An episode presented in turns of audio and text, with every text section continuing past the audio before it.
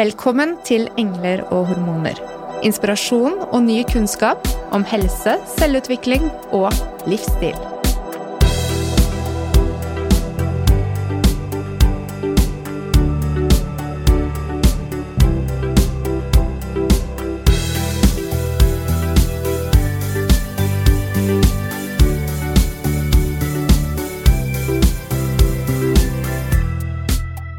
Velkommen til ukens episode. Vi skal sette fokus på det å bruke mentale verktøy for å håndtere kriser. Tidligere så har vi snakket om indre og ytre stress, og da med fokus på situasjoner der vi kan påvirke stressfaktorene ved å være bevisst hva vi ønsker velkommen inn i livet. Men av og til, slik som nå, så kommer det ytre faktorer som påvirker oss uansett om vi vil eller ikke. Da er det ikke nok å si nei og rydde bort det vi ikke vil ha i hverdagen vår. Noen ganger så skjer bare livet, og det er det vi skal snakke om i dag. Det er meg, Mona, og meg, Ingvild, og med oss uh, i vårt hva skal vi kalle det, virtuelle unntaksstudio, så har vi jo igjen vår kjære mentaltrener Anniken Binds. Ja. Det er så hyggelig å se deg igjen, selv om det er uh, ja, jeg vet ikke hvor mange kilometer det er mellom oss tre sånn samlet sett, ja, men allikevel uh, så er det veldig hyggelig. Bare ja, kjempehyggelig. Hvordan er ståa hos deg nå, Anniken? Du, altså Nå er det jo ganske rolig og fint. da. Vi, um, vi hadde jo en litt sånn periode med sjokk da, da altså, alt dette skjedde og, og vi virkelig ble klar over konsekvensene. Og jeg driver selvstendig, og det gjør mannen min også. Så, og vi mistet jo mye av inntektsgrunnlaget over natten. Eh, og det var vel dagen etter jeg så dere sist, tror jeg også, at skolen stengte ned. Så det har jo vært en, en spennende reise, bare det. Å virkelig få testet ut de mentale verktøyene. Men jeg må jo bare si at det, det var på en måte altså, første fase er jo det er et sjokk, og det er mye tanker i hodet. og liksom, Man prøver å få oversikt og tenke konsekvens og bare hva betyr alt det her. Og det er liksom det er viktig at man tillater alle tanker og følelser å bare komme i den perioden. Og bli ferdig med det, og ikke prøve å legge lokk på tingene. Og så begynne å, å være mer konstruktiv men eh, det er, det er ganske uhensiktsmessig å bare hoppe rett inn i det sjokket og si ja, men dette her er jo eh, altså Prøve å legge lokk på følelsene og tankene og så bare tenke at man skal være superdame og, og kjøre på. da. Og sånn funker det ikke. Det, det er ikke veldig konstruktivt. Jeg, jeg, kjenner i hvert fall at det er litt godt å høre. at alle liksom ja, men Det føles ut som at man løper litt rundt som sånn hodeløs kylling en periode. Ja første dagene, kanskje første uken, da. Ja. Ja, og så om det er ikke sant, Alle reagerer forskjellig, og vi må få lov til å reagere på den måten som vi har behov for. Vi må få lov å være der så lenge som vi har behov. Problemet oppstår jo når eh, man ikke er egentlig bevisst på eh, altså, på sin egen reaksjonsmønster. At man blir liksom stuck i en grøft veldig lenge hvor det ikke er konstruktivt lenger. Så det er liksom Ja, vi skal få følelsene og tankene opp. Vi skal akseptere det. Vi kan ikke drive og legge lokk på det. Vi skal bearbeide det, og så, når vi er klar for det, skal vi gå videre. Så det er, det er ikke noe hensiktsmessig å prøve å skynde seg videre før man er klar for det. Men man skal også kjenne seg selv og vite at man kan bli klar for det, at det er noe man kan gjøre. Det tror jeg er veldig viktig. Vi snakket jo sammen eh, for litt tid tilbake Anniken, om alt som skjedde rundt oss. Og så sa du eh, at egentlig så er det jo ofte slik når du jobber med klienter, at mye av det vi har snakket om tidligere med indre og ytre stress, som er mer kontinuerlig, det er ikke alltid hovedtema. Fordi folk har kriser. Mm. Og man møter utfordringer som eh, som man jobber med hos sånne som deg. Da. Og Det er derfor vi syns det var så fint å få deg tilbake i studio når vi plutselig sitter i en liksom felles samme situasjon, alle sammen. Mm. Har du um, snakket med mange som har hatt utfordringer i denne perioden og coachet dem litt på hvordan de kan komme seg ut av den grøfta som du snakker om?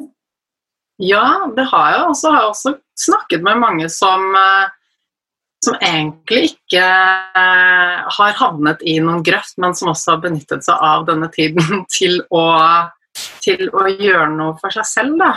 Som også er veldig fint. Men, eh, men, ja, altså Alle har jo forskjellig eh, utgangspunkt i forhold til det som har skjedd, og, og situasjonene er så forskjellige.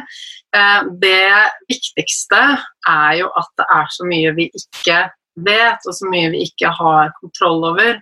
Og hvordan kan vi altså, finne roen i en situasjon som er så usikker. Det er på en måte fellesnevneren for veldig mange. da. Og dette skjer vel også ved andre tidspunkter i løpet av et liv. Det er bare spesielt eh, nå når det rammer så mange da, samtidig. Så, og det er jo ja, altså det er jo det eneste sikre vi vet her, er jo at alt er i endring hele tiden. Det er ingenting som er konstant. og Det er en sånn liten ting vi mennesker tenker at ja, ja, men nå som jeg har fått den jobben, da vil alt være bra. Da vil jeg ikke ha noen flere utfordringer resten av livet. Eller nå har jeg fått uh, drømmemann eller drømmekone. Ja, men da er jeg ferdig med utfordringer. Men sånn funker ikke livet. Vi kommer til å måtte face utfordringer gjennom hele livet.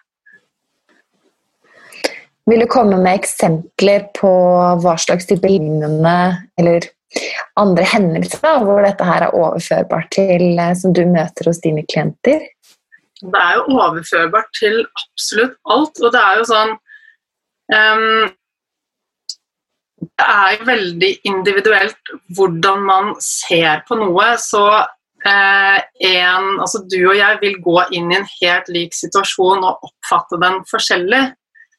Så to stykker på den samme arbeidsplassen som begge har mistet jobben, de vil ha en forskjellig forutsetning for å takle det, og de vil tenke forskjellig om det. Kanskje den ene tenker 'Å, endelig, dette var bra, nå kan jeg gjøre noe annet', og for den andre så, så raser alt sammen. Eh, men det, det, som er, det er at det her For veldig mange nå så handler dette om økonomisk uh, usikkerhet, og det er jo en av de største stressfaktorene for voksne mennesker. Punktum. Så det er klart det at uh, når man er usikker på om man klarer å, å brødfø familien sin, så er det en, en, veldig tøff kilde til stress. Helt klart. Så uh, uansett hvor god man er på å takle det, og hvor robust man er, så er det, ja, det er stressende. Jeg tenker litt på, Vi snakket om tidligere at man man blir ikke mer lykkelig av å ha mer penger. For det er ofte altså, den tingen man snakker om, er at streben etter å lykke, eh, få mer lykke ved å trene mye mer penger, det viser jo forskning at det er ikke reelt så lenge du er på et nivå der du ikke har bekymringer. Og plutselig så er det så mange som da havner i den helt andre enden av den skalaen. Eh, der det plutselig blir en stor bekymring. Mm. Ut ifra hvordan man møter kriser, har du noen sånn kjennetegn på ulike reaksjonsmønstre som du, som du, som du kan uh, gi oss litt innsikt i, så kanskje vi kan kjenne igjen uh, noen mønstre hos oss selv også?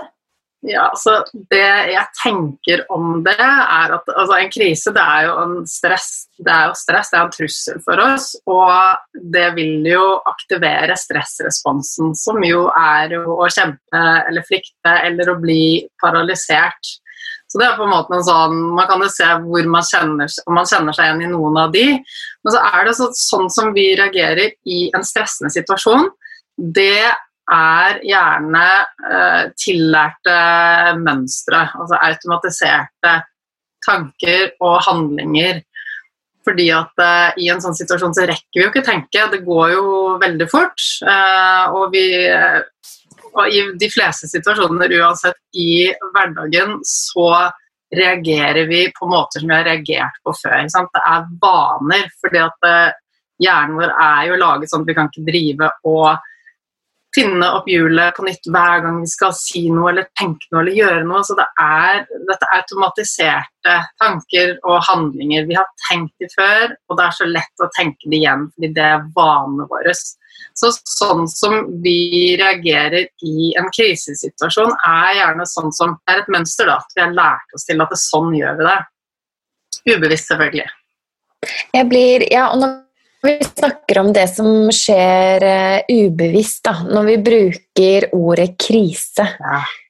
Um, ja, vil det være en positiv effekt ved det å ikke bruke et så negativt ladd ord ja. i seg selv?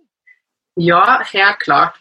Og, og det syns jeg er fint at du tar opp, fordi at noe av det som er viktig, er at eh, vi selv i veldig stor grad kan påvirke hvordan vi har det. Hvordan vi føler oss og, og hva vi tenker.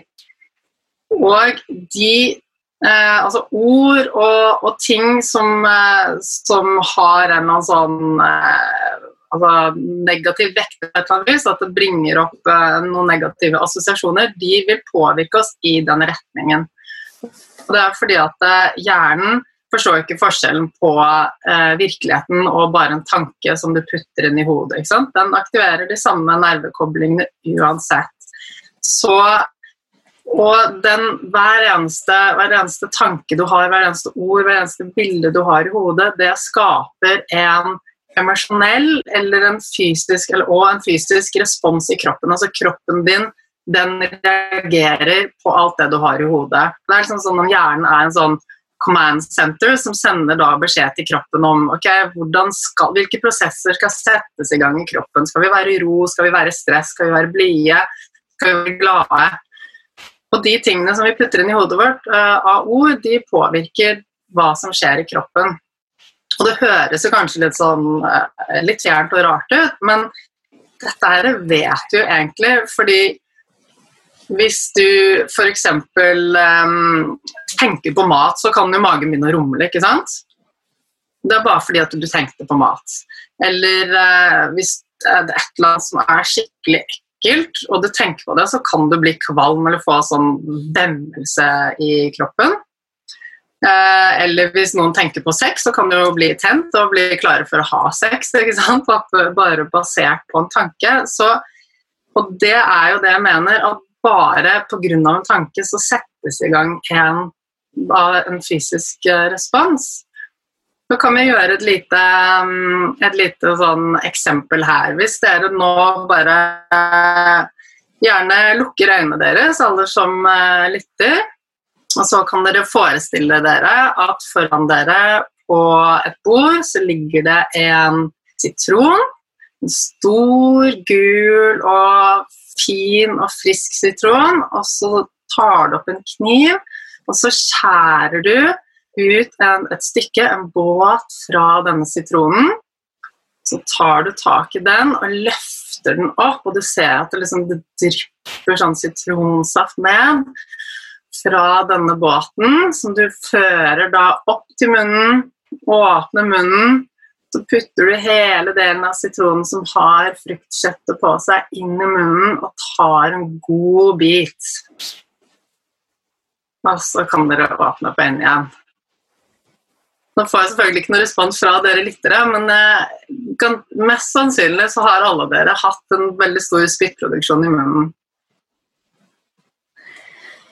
Du dro frem Pavel Sunder. Ja, men Det er litt det er bare... Eh, fantastisk hvordan vi reagerer på stimuli, og hvordan vi eh, responderer. Jeg synes at Litt spesielt med denne situasjonen har vært at man har kanskje hatt sin egen reaksjon, men så har det vært så utrolig mye informasjonsflyt. Mm. Og hele tiden nye retningslinjer og kunnskap å forholde seg til. slik at det er som om den responsen har vært trigget igjen og igjen som et kollektivt samfunn. Da. Hvordan påvirker det oss eh, kontra det om vi hadde bare hatt en krise alene eller som nærmeste familie? Ja, ikke sant. Det, det at vi er rundt det så mye, da, at det er så mye større og så mye mer utenfor oss. Det påvirker oss. Det gjør at vi blir påvirket i mye større grad. Um, fordi at hver gang vi prater med noen andre, logger oss på et eller annet sted, så er det det som bare springer mot oss. ikke sant? Og som vi akkurat nå har sagt, så påvirker alt vi putter inn i hodet, det påvirker oss. Det skaper en respons. Det påvirker tilstanden din. Så hver gang du hører om det, leser om det, så gjør det noe med deg. Um, og så er det sånn at uh, Hjernen vår den er jo laget sånn at den ser etter det som er da negativt, og den ilegger det større betydning. Det vekter det mer. altså Det betyr mer. Så hvis du scroller gjennom nyhetene, så er det de, altså de dårlige tingene som kommer mot deg. og Det er til og med forsket på, man har funnet ut at man ilegger altså, negative eh, nyheter man tenker at det har større sannhetsverdi enn hvis det sammenlignes med da, positive nyheter. Nå liker jeg egentlig ikke ordene negativ og positiv, um, men bare som for enkelhets skyld så er det greit at vi bruker det her nå. Men jeg tenker at uh, altså, ting er ikke nødvendigvis negativt eller positivt, men det er effekten det har på oss som, som spiller en rolle. Men, um, men, ja, så det påvirker oss i mye større grad enn om det bare hadde vært oss eh, som, had, som, hadde denne utfordringen. Men Anniken, den, jeg likte egentlig veldig godt det sitronbildet eh, ditt. Ja. Og så er jeg Pavel, men jeg mente Pavlov. Jeg må bare rette meg selv. Ja. Men eh, er det en sånn type teknikk som man kan bruke rent praktisk hvis man har funnet at man har et mønster? Altså bare rett og slett ta den sitronen din og så bruke som en avledningsmanøver, eller har du andre ja. teknikker som er ja, kanskje bedre? Ja, og da, nå er du jo inne på en, en kjerne av mye det jeg jobber med. Og det handler jo om at det, når vi, eh, vi, har en tanke eller et bilde inni hodet vårt, så er det gjerne noe som trigger en respons hos oss. ikke sant? Um, og ved å begynne å få tak i hva det egentlig er som skjer inni hodet vårt, hvilke bilder dukker opp, og hvilke ord er det som er inni hodet vårt, som gir den responsen, ved å bli bevisst på det og så endre det, så vil vi få en annen respons. Og dette kan vi bruke da sånne visualiseringsøvelser til med veldig stort hell. Og for eksempel, altså jeg bruker det mye på eh, mine kunder, og nå har jeg taushetsplikt, så jeg kan ikke drive og fortelle alt det vi gjør, men et eksempel på meg selv, da, hvordan jeg har brukt det selv. Jeg hadde helt fra jeg var liten vannskrekk, sånn skikkelig, altså helt uh, irrasjonell frykt. Altså jeg, hadde, jeg, var redd i badebassenget, så jeg likte ikke å bade i badebasseng engang. Uh, og så begynte jeg å surfe, altså bølgesurfe, og syntes det var kjempeskummelt. Og hadde jo en periode på veldig, veldig lang tid hvor jeg trakk meg ut, eller altså rett og slett fikk da panikk og, og trakk meg ut hver gang jeg skulle prøve å, å padle inn på en bølge og poppe opp på den. Og da brukte jeg forskjellige visualiseringsteknikker for å altså, rote til den første jeg brukte, var en, egentlig en teknikk hvor jeg bare blander opp de bildene jeg har i hodet, sånn at jeg ikke får den responsen lenger. Sånn at når jeg ser for meg, eh, når jeg er i den situasjonen som vanligvis trigget den responsen at jeg fikk helt panikk, så kommer ikke panikken lenger. Og I tillegg til det så visualiserte jeg hver eneste dag i en lengre periode hvor jeg så for meg hvordan jeg skulle gjøre det. Altså Jeg så for meg hele filmen av hvordan det funker, at jeg gjør det og gjør bevegelsen fullt ut istedenfor å trekke meg. Så da lærte jeg meg selv en annen respons. Og det fungerte? Ja, helt fantastisk. Du poster jo mye surfebilder nå, men er det uten skrekk, eller er det fremdeles noe som ligger uh, i Ja, vet du hva. Det er et fint spørsmål. Det er med skrekk, men med en sånn sunn, rasjonell skrekk. Den derre ok, uh, vannet og de kreftene som er der, det skal jeg ha respekt for. Men dette Jeg vet hvor grensene går, og jeg vet hva jeg kan kontrollere, og jeg begir meg bare ut de tingene jeg kan kontrollere. Så før så hadde jeg en sånn Det gikk det gikk helt i svart, rett og slett. Eh, da jeg prøvde å hente opp eh, bildene fra det, så hadde jeg ikke noen bilder å hente, det var bare svart. Vi hadde nøytet helt. Så, så, nå er det altså Det er mer sånn spenning, men det er en følelse av kontroll, og det, det er helt rått. Helt fantastisk.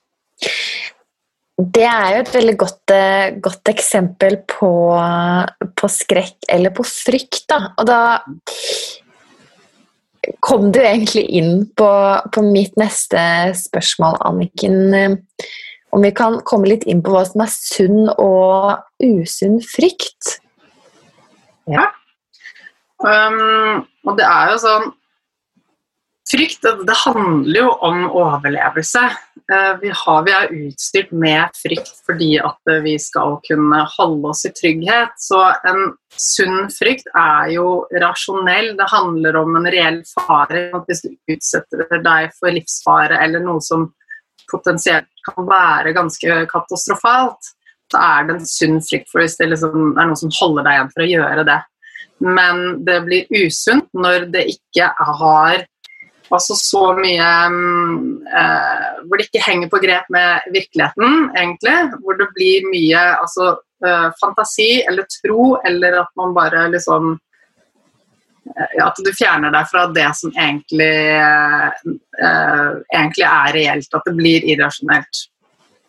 Og når det er noe ikke sant? Absolutt alle har sånne verstefallstanker. Sant? alle kan tenke ok, hva hvis jeg bare går utfor det stupet her nå, hva skjer da? Eller hvis jeg bare svinger i rattet, og så går bilen over i andre motsatt kjørebane. Og de tankene dukker opp hos absolutt alle. Men når vi blir værende med de tankene, da blir det usunt, og da blir det et problem. Når vi lar det ta overhånd og ikke klarer å legge det fra oss. Hvis vi setter det inn i, inn i eh, denne koronakonteksten, da. Mm. Har du gjort deg noen tanker rundt det gjennom disse snart to månedene som er gått? Ja, helt klart. Og det handler jo om ikke sant? Vi kan eh, Vi har en viss mengde med informasjon, men det er veldig mye vi ikke vet. Og eh, det som er at eh, hjernen vår altså, den er jo utstyrt for, å, eh, for at vi skal overleve. Den skal holde oss trygg hele tiden. Og hjernen vår den misliker endring, spesielt endring som vi ikke kan kontrollere. Det er, det er en trussel for hjernen. Og nå er vi i en situasjon, absolutt hele verden er i en situasjon, hvor vi har ja, en viss grad av kontroll akkurat nå, vil jeg si, men, eh, men, det er så mye usikkerhet. Vi vet ikke hvor dette vil ende. Så selvfølgelig er dette potensielt sett en kilde til masse frykt, mye tankekjør og mye bekymring. Fordi at eh, det er mulig å spinne så mange utfall av denne historien her, og det påvirker alle. Så, um, så, ja, helt klart. Her er det stor grobunn for uh, altså, usunn frykt. Og selvfølgelig så er det en reell altså, situasjon som virkelig har en, en, veldig heavy impact på alle, og i forskjellig grad. Så det er klart at uh, det er noe vi skal ha respekt for. Men hvor går grensen på hva som er hensiktsmessig for deg, og når begynner det å bli uhensiktsmessig for deg å gå rundt og være redd? Mm. Mm. Jeg blir litt også nysgjerrig, fordi nå sitter vi jo ganske så isolert. Vi kan jo ikke leve det livet som, eh, som vi vanligvis gjør. Og um, hvordan tror du det i seg selv er med på å spille inn på hvordan vi som individer liksom evner å klare å håndtere den frykten. Da. Tror du det vil ja, ha en negativ innvirkning på, på det? Ja, jeg tror absolutt at det gjør det mye mer utfordrende, fordi at vi vet at støtte støtte er noe av det viktigste. Altså ikke bare i en sånn en tøff periode, men også gjennom alt her i livet så er de sosiale relasjonene så viktige for vår livskvalitet, og spesielt da når man er i en tøff periode. Så, så uten da muligheten for å liksom kunne se andre mennesker inn i øynene, kunne liksom få hudkontakt og kunne få bare den ja, den sosiale støtten, så blir det mye tyngre for så mange mennesker. Denne kollektive frykten, hvis jeg kan få lov å bruke det ordet, mm. Ehm, er det slik at, at, det er enklere for oss å ty til um, rasjonalisering rundt det å finne en felles fiende, eller å tro på Ja, å legge skylden på noe, eller finne et hat mot enkelte personer eller grupper for å kunne løfte seg selv? Er det en mekanisme som Selv om det ikke er en god mekanisme, men noe som vi kanskje kan forvente å se mer av fremover? Ja, altså nå er ikke jeg Jeg skal ikke uttale meg om hva vi, vi kan forvente å se, men vi vet jo at noe av det som er viktigst for mennesket, er tilhørighet. Og eh, tilhørighet til samfunnet og det å ha et aksept. fordi Fra gammelt av da vi levde som jegere og sankere uten det å høre til i samfunnet, så Hvis vi var da utstøtt fra samfunnet, så var det eh, den, den, trygge døden fordi vi var avhengig av samfunnet. Så det er liksom noe av altså Det jeg ser hos absolutt alle nesten som jeg jobber med, så ligger det en eller annen frykt i grunn ofte som går på dette med at man er redd for å bli utstøtt et eller annet vis. Og pga. dette så har menneskene en veldig lei tendens til å skille mellom oss og de andre. Og det ser vi overalt. Uh, vi har sett det gjennom hele historien. Og, bare Se på Norge, da. Små liksom, nabobyer. De kniver mot hverandre. Det er jo også de andre, ikke sant? Uh, og jeg husker jo da jeg var ganske ung og dro til Ecuador og jobbet der uh, i en periode, så husker jeg at jeg ble så sjokkert da jeg kom fra Norge og tenkte at ja, ja, men rasisme det har vi liksom mellom ja, de også eh, som bor kanskje i den vestlige verden og eh, ja, andre deler av eh, verden. Men jeg husker jeg ble så sjokkert, for jeg tenkte at ok, jeg har kommet til et land hvor jeg har klart å ha forskjellige folkegrupper der, men, men, de er vel på en måte, der er det litt mer samhold. Men jeg aldri liksom eller jeg har senere opplevd det samme, men jeg fikk den derre wow, wow, her er jo rasismen mye sterkere enn den er i Norge. Blant folk som i mine øyne var veldig like. ikke sant? Og, eh, og, det er det det handler om, at vi mennesker har så behov for denne, kjenne på den tilhørigheten at vi skaper den, oss og de andre. Og vi ser liksom typisk sånn derre Fanatikere, ekstremister, de tiltrekker jo gjerne folk som har lav selvfølelse, som føler seg utenfor, og så skaper de den der følelsen av tilhørighet. Og, og, det er klart at når folk har det vondt eh, og liksom er redde eller altså, har det vondt med seg selv, så er det mye lavere terskel for å, finne den der Det er oss mot de andre. Mm. Ja. Så uten at jeg skal gi noen prognose på hvordan ting kommer til å bli, så er det, altså, det er en mekanisme som er hos menneskene. Det, det tror jeg er litt vanskelig å, å overkomme. Hvilke personlighetstrekk skal vi lete etter i oss selv da, for å kunne håndtere denne situasjonen på best mulig måte? Er det noen atferdsstiler eller personlighetsstiler som, som, vil håndtere dette bedre enn andre? Ja. Og, altså, vi er jo alle fett forskjellige, selvfølgelig. Eh, men eh, og vi har forskjellige utgangspunkt, men det jeg er opptatt av, er at eh, vi egentlig alle kan tilegne oss disse egenskapene som gjør det lettere å, å takle ting. Fordi at eh, det er mulig å trene seg opp til det. Og det som er altså Det er mye man kan si, da, men noe av det viktigste for å takle både den tiden vi lever i nå, men egentlig alt i hele livet, uansett, det er evnen til å være mentalt fleksibel og det er evnen til å se eh, en gave istedenfor et problem.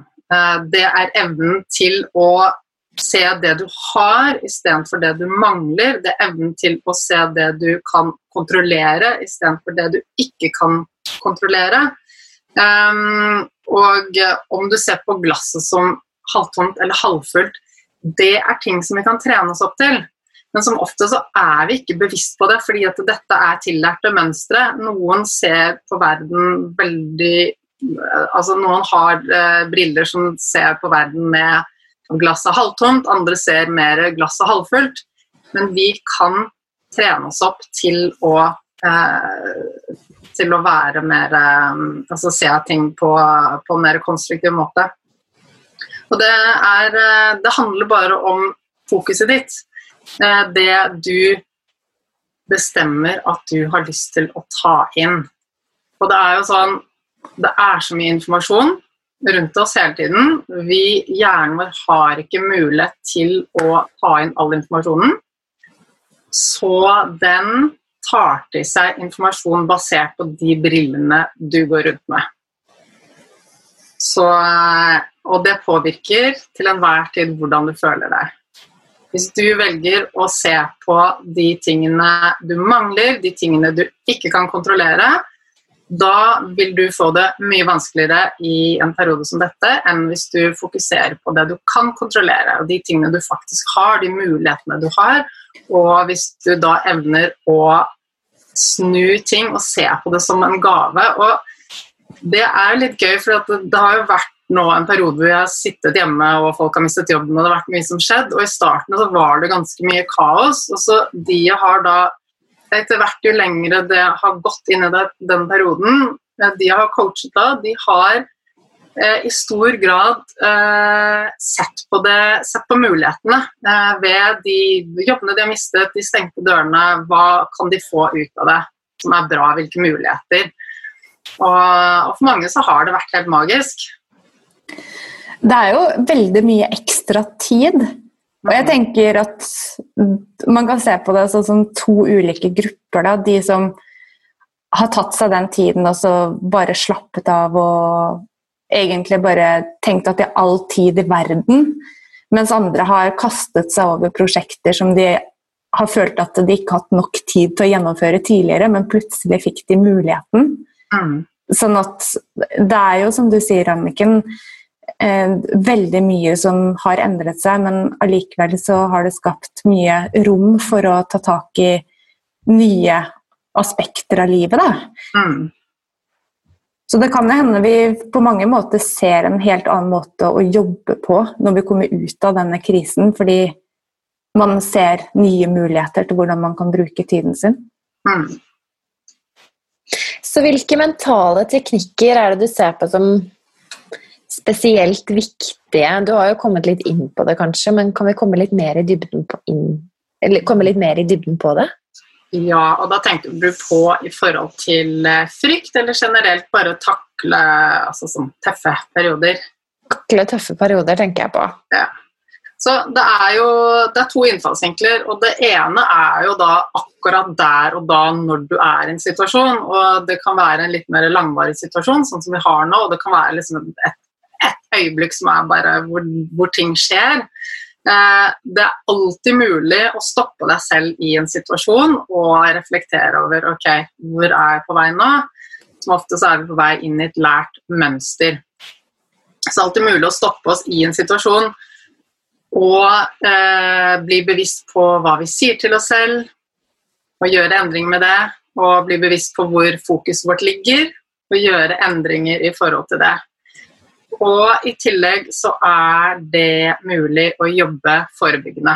Og det er jo der Altså, det er så mye å hente på å jobbe forebyggende, fordi at eh, frykt og mot, det handler bare om vaner. Det er jo automatiserte tanker og handlinger. Og hvis vi står opp hver eneste dag og bestemmer oss for hvordan vi vil ha tingene, og trener hver eneste dag på hvordan vi kan skifte fokus, eh, hva vi putter inn i hodet vårt. Og når vi er bevisst på det, da står vi så mye sterkere i en sånn situasjon.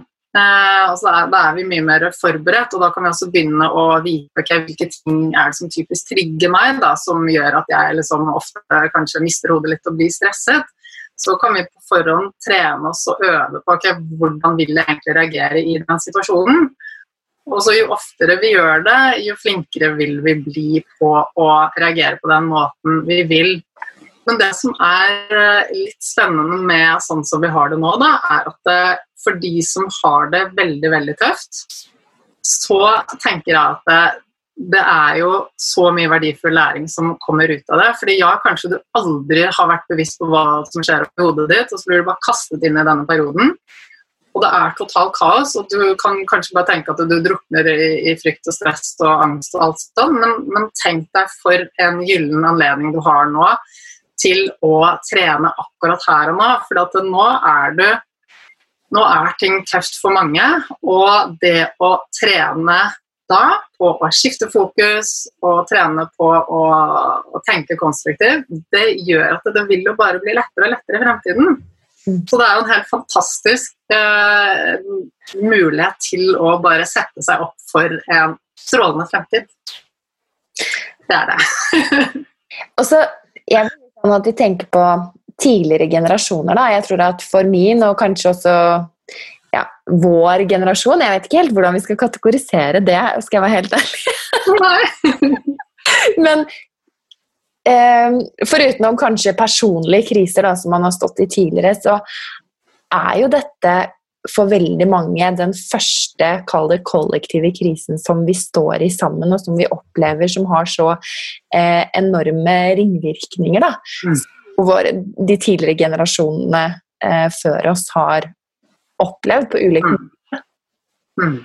Så ja ville bare skyte inn det. Ja, det er jo altså, det er veldig spesielt. Og, og, sånn sett så går det an å bare skifte et perspektiv av liksom, nysgjerrighet og, og, se på liksom, okay, hva betyr det for oss som, som, mennesker og som samfunn, og hvordan dette kommer til å prege historien fremover. Uh, og jeg tenker alltid at det, og så er det jo kanskje for mange en liten sånn trøst om at det, ja, men vi står i det alle sammen. Og, og, det hjelper ofte når man er i et eller annet som er litt tøft, så hjelper det ofte å tenke på at dette har noen andre gjort før meg, og de har klart det, eller det er flere som er i samme situasjon. Det gir en form for trygghet. Og det kan være litt godt å tenke på. Eh, dette her påvirker hele verden. Og ett land kommer til å komme ut av det. Alle kommer til å gjøre sitt beste. Vi vet ikke hva som kommer ut av det, men det vi vet, er at det å bruke tid på å bekymre seg nå på ting som du ikke kan påvirke, det skaper stress i kroppen din, og det kommer til å slite deg ut og ødelegge helsen din, og det, er bare ikke produktivt. Er det noe du kan gjøre? Altså Er bekymringen din rettet mot noe som du faktisk kan påvirke? Da er det fantastisk. Da kan du gå ut og bare gjøre den endringen for å få en, en positiv endring. Men er det noe du ikke kan gjøre noe med, da er det greit å legge bort bekymringen. Og av liksom Når vi skal jobbe da, mentalt med sant, typisk uh, ting som bekymrer oss, som vi er redd for, så er alltid det første vi skal gjøre, er å akseptere det. Og det har jeg jo også snakket før, og jeg, jeg liksom dro frem det bildet av, uh, av uh, tankene våre som er bølger. Vi har ikke noe kontroll over hvilke som kommer, men vi velger hvilke vi skal surfe på. Og alt det som skjer rundt oss, og det som dukker opp i hodet vårt det er ikke noe sånn, Vi, vi kan ikke si til oss selv nei, nå skal jeg ikke tenke sånne tanker lenger. Det funker ikke. Da kommer vi bare til å tenke flere av det. Prøver vi å legge lokk på det eh, og dytte det bort, så skaper det stress, og de tankene og følelsene de vokser i styrke. Det blir jo sånn, der, en spent litt sånn kampsituasjon hvor du prøver å liksom Nei, men jeg har det bra, jeg har det bra, og så prøver å skyve alt bort. Det funker ikke. Det vil få et negativt utfall, så regel nummer én er alltid aksept.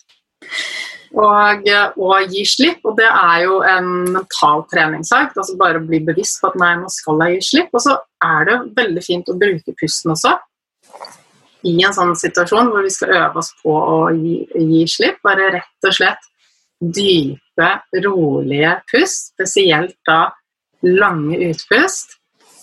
akkurat her og nå, det kan virkelig hjelpe til uh, å gi slipp. Uh, og, og, så har jeg, så jeg har, uh, Dette er jo et kjempestort tema. Det er masse masse teknikker man kan bruke. og Jeg har et helt nettkurs som, som handler om akkurat det. Men nummer én er aksept. Og så er det å skape en litt sånn avstand mellom deg og tanken, og skjønne at du er ikke tanken, tanken er ikke deg. Tanken det er bare noen ord oppi hodet ditt. Eh, og det trenger ikke være sant, det spiller egentlig ikke noen rolle. Ikke og så er det liksom skape en avstand mellom deg og tanken. Og så er det å velge da hva du har lyst til å fokusere på. Fordi det du fokuserer på, det, det det er det som skaper virkeligheten din.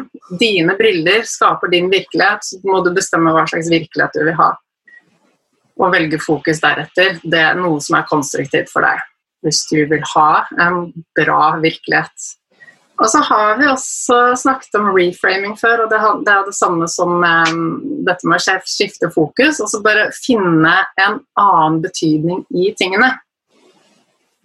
Det er det jo mange som har klart å gjøre nå. Altså, Oi, jeg har mistet jobben. Altså, hvilke muligheter kan jeg, kan jeg få nå? Sånn, hva annet kan det bety for meg? Mange har sett på det her som en gavepakke. Så, så det å liksom hele tiden finne læringen, finne mulighetene og fokusere på det positive som kan komme ut av situasjonen, det er en altså en sånn ting som virkelig vil ta deg gjennom de tøffeste, tøffeste situasjoner. Det kan liksom gjelde alt fra når du søler melk utover hele kjøkkengulvet når du har bussen går om tre minutter, til når du står her og har mistet jobben og ikke har noen inntekt. Det er alltid mulig å velge en annen betydning i tingene. Og så er det det å jobbe med den indre dialogen. Det er det vi sier til oss selv. Mm. Nå føler jeg at vi snakker mye om også de, disse mm, økonomiske ringvirkningene som er, men dette her er jo også eh, om helse. Mm. Eh, og eh, det er jo det som er essensen i det hele. At det er eh, mange mennesker som dør, og det er en uro og frykt rundt det også. Mm. Absolutt. Eh, og Det er jo fint at du trekker frem det. og frykten rundt det, helsesituasjonen det er jo også noe som kan påvirke oss uh, til liksom, Hvor mange går ikke rundt og kjenner på symptomer? Uh, og jeg, uh, Er jeg litt syk nå? Ikke sant? Og, ja, og gå rundt med en, en, veldig stor frykt på, på, på, akkurat dette. Og da tenker jeg at det, Og det er jo en reell frykt. altså vi har jo ikke lyst til å bli smittet. Vi vet ikke hvordan det kommer til å, å utarte seg. Likevel så er det kan jobbe med det på akkurat samme måte. Det er en reell fare, og det er noe som vi reelt skal frykte uten at vi skal gå rundt og være redd for det. Fordi hvis vi tar forhåndsreglene våre, så bør vi jo være ganske sikre på at vi holder oss friske. Der, måte, da kan du Du kan bare gjøre så mye, og holder du fokuset på det du kan kontrollere, som er dine vaner og dine bevegelsesmønstre og alt sånn, så har du gjort det du kan gjøre. Og Mye av dette med frykten handler om at vi føler at vi ikke kan kontrollere, og da er det så fint å kunne uh, tenke på okay, hva er det jeg faktisk kan kontrollere. Jo, jeg kan kontrollere hvor ofte jeg går i butikken. Jeg kan kontrollere hvilke ting jeg tar på. Eh, om jeg har på meg hansker, om jeg vasker tingene mine, legger jeg matvarene i uh, kjelleren i noen dager før jeg liksom tar det ut. Hva gjør jeg? Sånn, hvordan alle vanene mine? Det kan jeg kontrollere. Og når fokuset mitt er på det, så vil det hjelpe meg til å ha ro i kroppen. Men hvis fokuset mitt går på ja, men hva om jeg blir smittet, hva om jeg, jeg, bare en jogger som løper forbi meg her, eh, kan han være syk f.eks.? Det er typisk et fokus som ikke vil bidra konstruktivt. Det vil ikke gi deg noe bra. Flytter du fokuset til det du kan kontrollere, så vil du få ro, og du vil også kunne Du tar kontroll over situasjonen, og du gjør noe konstruktivt. Jeg har litt lyst til å komme tilbake til pusten din, ja, der, eh, Anniken. fordi som du nevnte i sted, med denne rolige, lange, dype pusten, så, så skaper vi jo faktisk en kjemisk reaksjon i kroppen som bidrar til å få det parasympatiske nervesystemet, det systemet som er med på å roe oss ned og dempe stressreaksjoner i kroppen, eh, til å slå inn. Og at vi med rutiner på pust faktisk kan være med på å påvirke hvordan vi har det i hverdagen. Jeg vet jeg kjenner jo deg fra før med bakgrunn i yoga, men vi har snakket litt om dette med rutiner før, om å få inn pusten eller andre vaner som er positive for oss i dagliglivet. Mm. Kan du si litt om uh, hvordan man kan løse det? Mm. Det er veldig fint at du sier. Um, jeg sa jo sant, frykt og, og mot, og, og, dette med mental fleksibilitet og robusthet, alt dette handler om vaner. Og eh, hvordan du har det, hvor god du er til å skifte fokus. Alt dette handler om vaner. Det handler om mental hygiene. Eh, som det er ting vi trenger å tenke på daglig, på samme måte som vi pusser tennene hver dag. Det er jo ikke sånn at vi tenker at eh, ja, nå har jeg gjort den pusteøvelsen i dag og rotet meg ned, og det gikk jo greit, og så har jeg jobbet litt med å skifte fokus og litt sånn, og så går det kanskje noen uker til neste gang. Da er ikke de teknikkene lett tilgjengelige for oss. Når, og hjernen vår er laget sånn som jeg sa, den går mot problemene, den går mot det negative. Den, den går jo så fort mot de tingene du ikke kan kontrollere. Den, den, den blir overveldet. Den leter etter trusler. Så hvis du ikke hver dag tuner inn hjernen din på de tingene som du har lyst til at den skal ha fokus på, så kommer den til å kjøre sitt eget løp. Og dette er jo noe som jeg jobber med hver eneste dag. Eh, jeg har rutiner hver eneste dag hvor jeg fokuserer på de tingene. For hvis jeg ikke gjør det, så overlater jeg det bare til tilfeldighetene. Jeg har ikke lyst til å våkne opp på morgenen og lure på om det skal bli en bra dag eller ikke. Jeg bestemmer meg for hva jeg trenger for at dagen skal bli bra, og legger det inn i dagen. Det er så viktig. Det er eh, Jeg tenker at bare å ta det bevisste valget, det betyr så mye for fysisk og psykisk helse mm. eh, og styrke. Mm. Så, så, jeg er jo som deg, Anniken, jeg er midt i en teacher training yoga nå, så jeg bruker mye tid på å meditere og puste og ha faste rutiner på det, og jeg synes jo at det endrer livet. Mm. Faktisk ved å kunne rydde opp i rutiner og ha de faste holdepunktene. Mm. Og det gjør jo det, ikke sant. Sånn, og én ting er jo dette aspektet med at det er faktisk noe vi kan kontrollere i en verden som er ukontrollerbar. Mm. Og det har jo den positive positiv effekt. Og i tillegg så er det dette at ja, du trenger å ta kontroll over hjernen din. Du trenger å bestemme deg for hvordan du vil ha det, og så trenger du å trene på det hver dag. Det trenger ikke ta mye tid. Så vi kan starte dagen med å sitte og meditere to timer, men for de færreste av oss så passer ikke det inn i livet vårt. Og så er det sånn, kanskje vi starter ett sted da, med en liten vane, og så blir vi vant til det, og det går bra, og vi merker de positive effektene, så blir vi motivert til å legge til litt til og litt til. Så jeg er veldig fan av å, når vi skal endre vaner, at vi, vi starter i det små, at det er realistisk de tingene vi legger inn.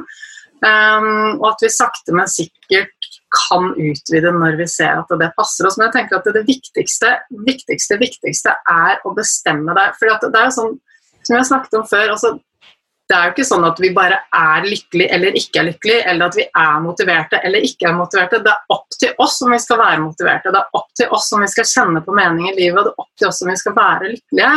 Om hvilken virkelighet vi vil ha, det bestemmer vi selv. Og ja, det er en jobb. Og ja, det er ikke alltid lett, og det er en prosess over mange, mange år. Og hver dag så trenger jeg å sjekke med meg selv, minne meg selv på ting og øve meg på å snu fokuset mitt. Og hver dag så har jeg fremskritt, og hver dag så oppdager jeg nye ting med meg selv, og jeg lærer nye ting, og det gjør jo bare at det er superspennende, fordi det er en vei med konstant læring. Mm. Og jeg er ikke perfekt. Jeg har dager hvor fokuset mitt går på bare Herregud, det er så mye Jeg har så mye å gjøre, huset er helt bomba, jeg har ikke vasket det siden februar, begynnelsen av mars, jeg vet ikke. ikke sant? Det er bare sånn, ikke sant? Og da kan fokuset mitt lett være og hvorfor har ikke liksom, mannen min fikset de tingene og ordnet det, alt er bare kaos. ikke sant? Hjernen min vandrer dit, og så kan jeg bare Nei, men vent litt. Det, her, det, det, gjør bare at det skaper en sånn negativ tilstand hos meg. Jeg har ikke lyst til å ha det sånn. Og hver gang jeg stopper meg selv og bare minner meg selv på det som er bra, hver gang jeg gjør det, jo lettere blir det neste gang. Så, og, og, det er sånn hver eneste morgen, så før jeg har sneket meg ut av dynen, så har jeg sagt en del ting til meg selv for å sette meg selv opp for suksess. Det vil si, jeg bestemmer hvilken dag jeg vil ha. Jeg tenker på det som jeg forventer skal bli fint med den dagen som kommer. Eh, eventuelt ligger litt i sengen og, og mediterer litt. eller et eller annet sånt. Og så har jeg forskjellige altså Jeg har ikke sånn at jeg har én rutine som jeg gjør hver eneste dag, fordi jeg liker endring, og jeg blir ja, jeg, jeg liker ikke at ting er for satt. Liksom. Er vi alle forskjellige, men jeg har på en måte en forskjellig knippe av meditasjoner som jeg bruker hvis uh, barna ikke våkner for tidlig. uh, og forskjellige morgenrutiner som jeg bruker med jevne mellomrom. Men så er det også, også sånn at det, det, kan hende at uh, jeg ikke har rom for det, men jeg har alltid rom for å uh, snu fokuset i hodet mitt på de tingene jeg kan kontrollere, de tingene som bidrar konstruktivt, de tingene som blir bra med dagen. Det tar meg et par sekunder hver eneste dag, og jeg har mulighet til å minne meg selv på det flere ganger gjennom den dagen. Ja. Tusen takk, Anniken. Hva er det du håper, eller tror, jeg vet ikke helt hva vi skal bruke av ord, men um, hva tror du kommer av positive ringvirkninger etter at vi som samfunn har kommet oss gjennom dette? Ja, det er et veldig stort spørsmål, og da trekker jeg frem eh, samfunnsviteren i meg og mentaltreneren i meg. Jeg, jeg klarer ikke å forutse det. Um, men likevel så håper jeg jo at uh, det har hjulpet folk til å lettere kunne skifte perspektiv. Og til å verdsette de ordentlige verdiene i, uh, i livet. Altså, vi Samfunnet er jo sånn at vi er ofte litt sånn styrt av uh, ytre ting. Og det er så lett at man forsvinner i alle de ytre påvirkningene. At man tenker at jeg må ha sånn, en fin kropp eller fine klær. eller liksom sånn, At folk blir dratt inn i den verden. Men jeg tror at nå, jeg håper at folk får muligheten til å virkelig kjenne om altså Hvis jeg ikke har råd til å kjøpe fine klær, da, hvis jeg ikke har de mulighetene lenger, hva er det egentlig hva trenger jeg for å ha det bra? Sånn, hvis jeg er helt, helt, helt ærlig med meg selv, bare skraper bort alt, hva er det jeg egentlig trenger for å ha det bra? Og når man finner ut av det, så, så gir det en veldig styrke og trygghet i den perioden vi har nå. For okay, klart, uh, hvis jeg da liksom mister det livet som jeg hadde før, og de mulighetene som jeg hadde før, men hvor mye fra det gamle livet gjorde meg egentlig glad? Hvor mye av det trengte jeg egentlig for å ha det bra? Og når vi da bare finner kjernen av det som er våre verdier, så er jeg helt sikker på at vi kan ha det bra gjennom dette og i den tiden som kommer. Så jeg håper jo at det er eh, en fin mulighet for folk til å, til å reflektere litt og komme frem til sånne ting. Mm. Vi har snakket om det, vi også, Ingvild. Vi hadde en telefonsamtale om eh, Det var faktisk på en liten handletur i butikken der vi ble oppmerksom på at uh, vi har endret mønster i forhold til hvordan vi legger opp hverdagen, hvordan vi handler, hvordan vi planlegger samværet hjemme rundt måltider. At vi har skrellet av litt da, av det som kanskje var de gamle vanene, som vi gjorde litt på automat fordi man var inne i en hverdagstralt, og så har den blitt endret, og plutselig så kan man se på livet på en litt annen måte og velge bort ting som man kanskje skjønner ikke er så viktig lenger. Mm. Jeg tror jo jeg, jeg, opplever Nå er jo vi har tatt veldig bevisste valg eh, fra før om at vi ikke har mange aktiviteter på ettermiddagene. Vi har veldig rolige dager. Vi er mye hjemme uten noen planer. Um, men jeg har i dialog med andre sett at det er flere og flere som sier at det er så deilig nå, nå har vi så mye tid, vi trenger ikke haste til alle ettermiddagsaktiviteter. Så jeg tror jo og håper at folk har skrudd ned tempoet litt. Og tenker kanskje spesielt på sånn småbarnsfamilier som veldig mange har kjørt utrolig tette løp med aktiviteter og oppfølging og alt hva de skal gjøre på ettermiddagen. Så jeg tenker at flere har fått smaken på, på bare det å kunne være med hverandre da, uten at man må, må, må rekke noe hele tiden. Mm. Jeg så flere overskrifter eh, i dag og i dagene som har gått, som eh, foreldre som eh, sier at de endelig har blitt bedre kjent med barna sine. Fordi, nettopp fordi man bare har tiden til å være. Ja. En luksus. Det er jo en luksus. det er ikke bare elendighet. Jeg tenker at hvis vi avslutter der med den konklusjonen om at vi har kommet litt tettere på de nære ting, og at vi tør å stole på og kjenne etter hva er det som er viktig for oss, og ta gode valg. Mm. Og så har jeg veldig lyst til å bruke denne uken i sosiale medier sammen med deg, Anniken, for å trene litt mer på hverdagsrutiner og få litt tips eh, fra oss alle på hva vi legger inn eh, på morgenen og i løpet av dagen for å få en god dag. Ja. Kan jeg skyte inn noe der, eller? Fordi at eh, sånn som jeg som har en ettåring som eh, har svært varierende oppvåkningstid på morgenen, er det veldig viktig at disse vanene fra, skjer fra morgenen av og det er veldig godt, eh, et veldig godt innspill her. Og, og, jeg tenker også og sånn som jeg alltid, For meg så er søvn viktigere enn å stå opp og gjøre morgenrutinene mine. Jeg prioriterer alltid søvnen, for det er liksom det viktigste utgangspunktet for helse og bærekraft og, og en god dag. Men, eh, men, jeg tenker at det viktigste som du gjør på morgenen av morgenrutine, det kan ta deg et par sekunder. Og ja, det er ikke livsviktig, men kjempelurt å starte dagen med perspektivet ditt. Før du får muligheten til å sette på deg brillene som gir deg et fokus du ikke har lyst til å ha. ikke sant? Så Sånn sett er det greit å gjøre ting fra morgenen av, men det er aldri for sent å minne deg selv på det når det har gått noen timer. Ja, Det er godt å høre, Annika. Ja. så vet du hvordan det er. Plutselig blir du dratt ut av sengen av et lite barn og egentlig har hodet et helt annet sted. Men så er det sånn at eh, for hver gang du gjør dette, jo, jo, raskere går det, og jo mer vane blir det. og Det går veldig fort og er veldig lett etter hvert. Jeg startet å gå til jobb, da, det, eller gå 40 minutter i retning jobb hver eneste dag nå. Så det høres veldig godt ut. Ja, fantastisk. Timer etter jeg har stått opp. Deilig. Jeg er helt enig med deg, Anniken. Det, det behøver ikke å ta så lang tid. og Hvis man setter fokus, så opplever i hvert fall jeg også at det går an å gjøre med to barn kravlende over deg mm. før du hadde tenkt deg. Mm. Ja, det går an. Når man bare liksom bestemmer deg for at det er det jeg skal prioritere, og skru hjernen min skru til fokuset kanskje 30 sekunder eller 1 minutt da, i løpet av morgenen.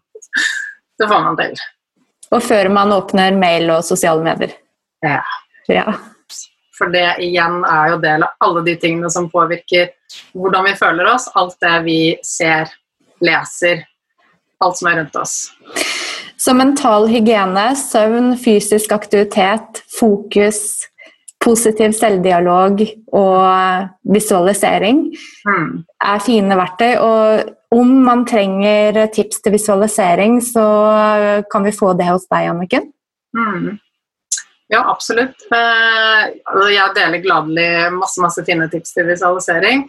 Når det gjelder eh, fin visualisering å bruke på morgenen, så har jeg et lydspor eh, som jeg har spilt inn, som ligger tilgjengelig hvis dere går inn på Instagram-profilen min, så ligger det en link i bio og over en del sånn nedlastninger, og der ligger min magiske morgenmeditasjon. Fantastisk. Ja, det er en visualisering, da. Så for å ja, bare sette intensjonen for dagen. Tusen takk, Anniken, og tusen takk for at du deler eh, så raust gang på gang. Bare hyggelig. Det er, eh, det er, så viktig. Det er så små ting som kan gjøre en så utrolig stor eh, forskjell. Mm. Da gleder vi oss til uken sammen med deg, Anniken. Og så gleder vi oss til å se deg i ekte studio når denne utfordringstiden, eller vekstperioden, er forbi. Ja, vekstperiode. Ja. Det var fint. Ja. Takk. Ha det godt. Ha det.